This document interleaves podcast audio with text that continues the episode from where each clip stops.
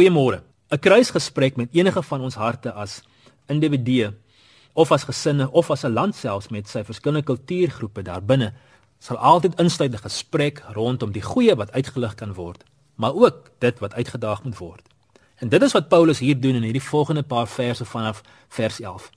Hy begin om die areas waar die gemeente hul andersheid verloor het, hul uitleef van God se hart, ehm um, verloor het en begin het om meer en meer soos die omgewing om hulle op te tree. Hy begin om dit aan te spreek.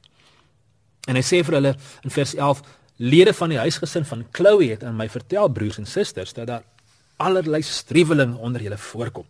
Nou uit die agtergrond tot hierdie gemeente is dit duidelik dat dieselfde swakhede wat in die kultuur om hulle was besig was om ook 'n houvas op hulle harte uit te oefen of dalk nog steeds besig was om daardie houvas uit te oefen en en dinge soos verdeeldheid, voortrekkery, seksuele losbandigheid, pogings om ander te manipuleer deur die die die gawes, die geskenke wat hulle gegee het, was alles deel van die uitdagings van hierdie gemeente, maar was baie baie algemeen in die samelewing om hulle.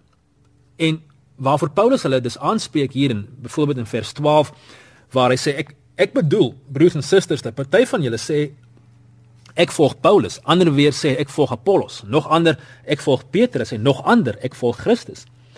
Dink julle regte Christus kan so in stukkies verdeel word? Paulus is tog beslis nie vir julle gekruisig nie of is julle dalk in Paulus se naam gedoop? Wat hier interessant is is dat dit niks buitengewoon was vir die samelewing van hul dag nie. Dit is inderdaad waarop baie mense hulle self beroem het ek behoort aan so en so, ek ondersteun so en so. Met ander woorde, wat sosiaal aanvaarbaar was, het nou ook die kerk binne gedring. En die gemeentelede het mekaar net so hanteer soos die wêreld om hulle. En hulle het hulle hulle het hulle andersheid verloor. Dis daarom belangrik vir ons om weer te besef dat ons is nie in die eerste plek volgelinge van 'n sekere politieke party of volgelinge van 'n historiese figuur of van 'n kerkleier of 'n denominasie nie.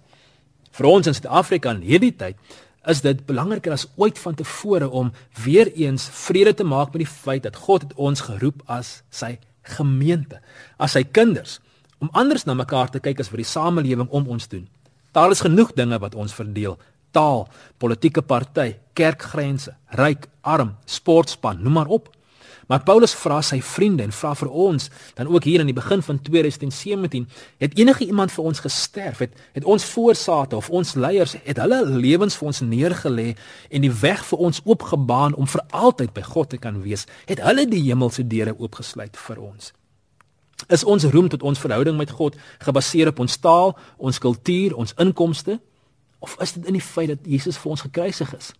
En indien dit laasgenoemde is, dan staan ons in 'n band van eenheid met elke ander Christen wat Jesus aanbid. Kom ons laat toe dat die kruis van Jesus ons persepsies omtrent mekaar uitdaag en in daardie uitdaging ook saambind in 'n gemeenskaplike band van dankbaarheid en liefde teenoor hom en teenoor mekaar. Lekker dag. Totsiens.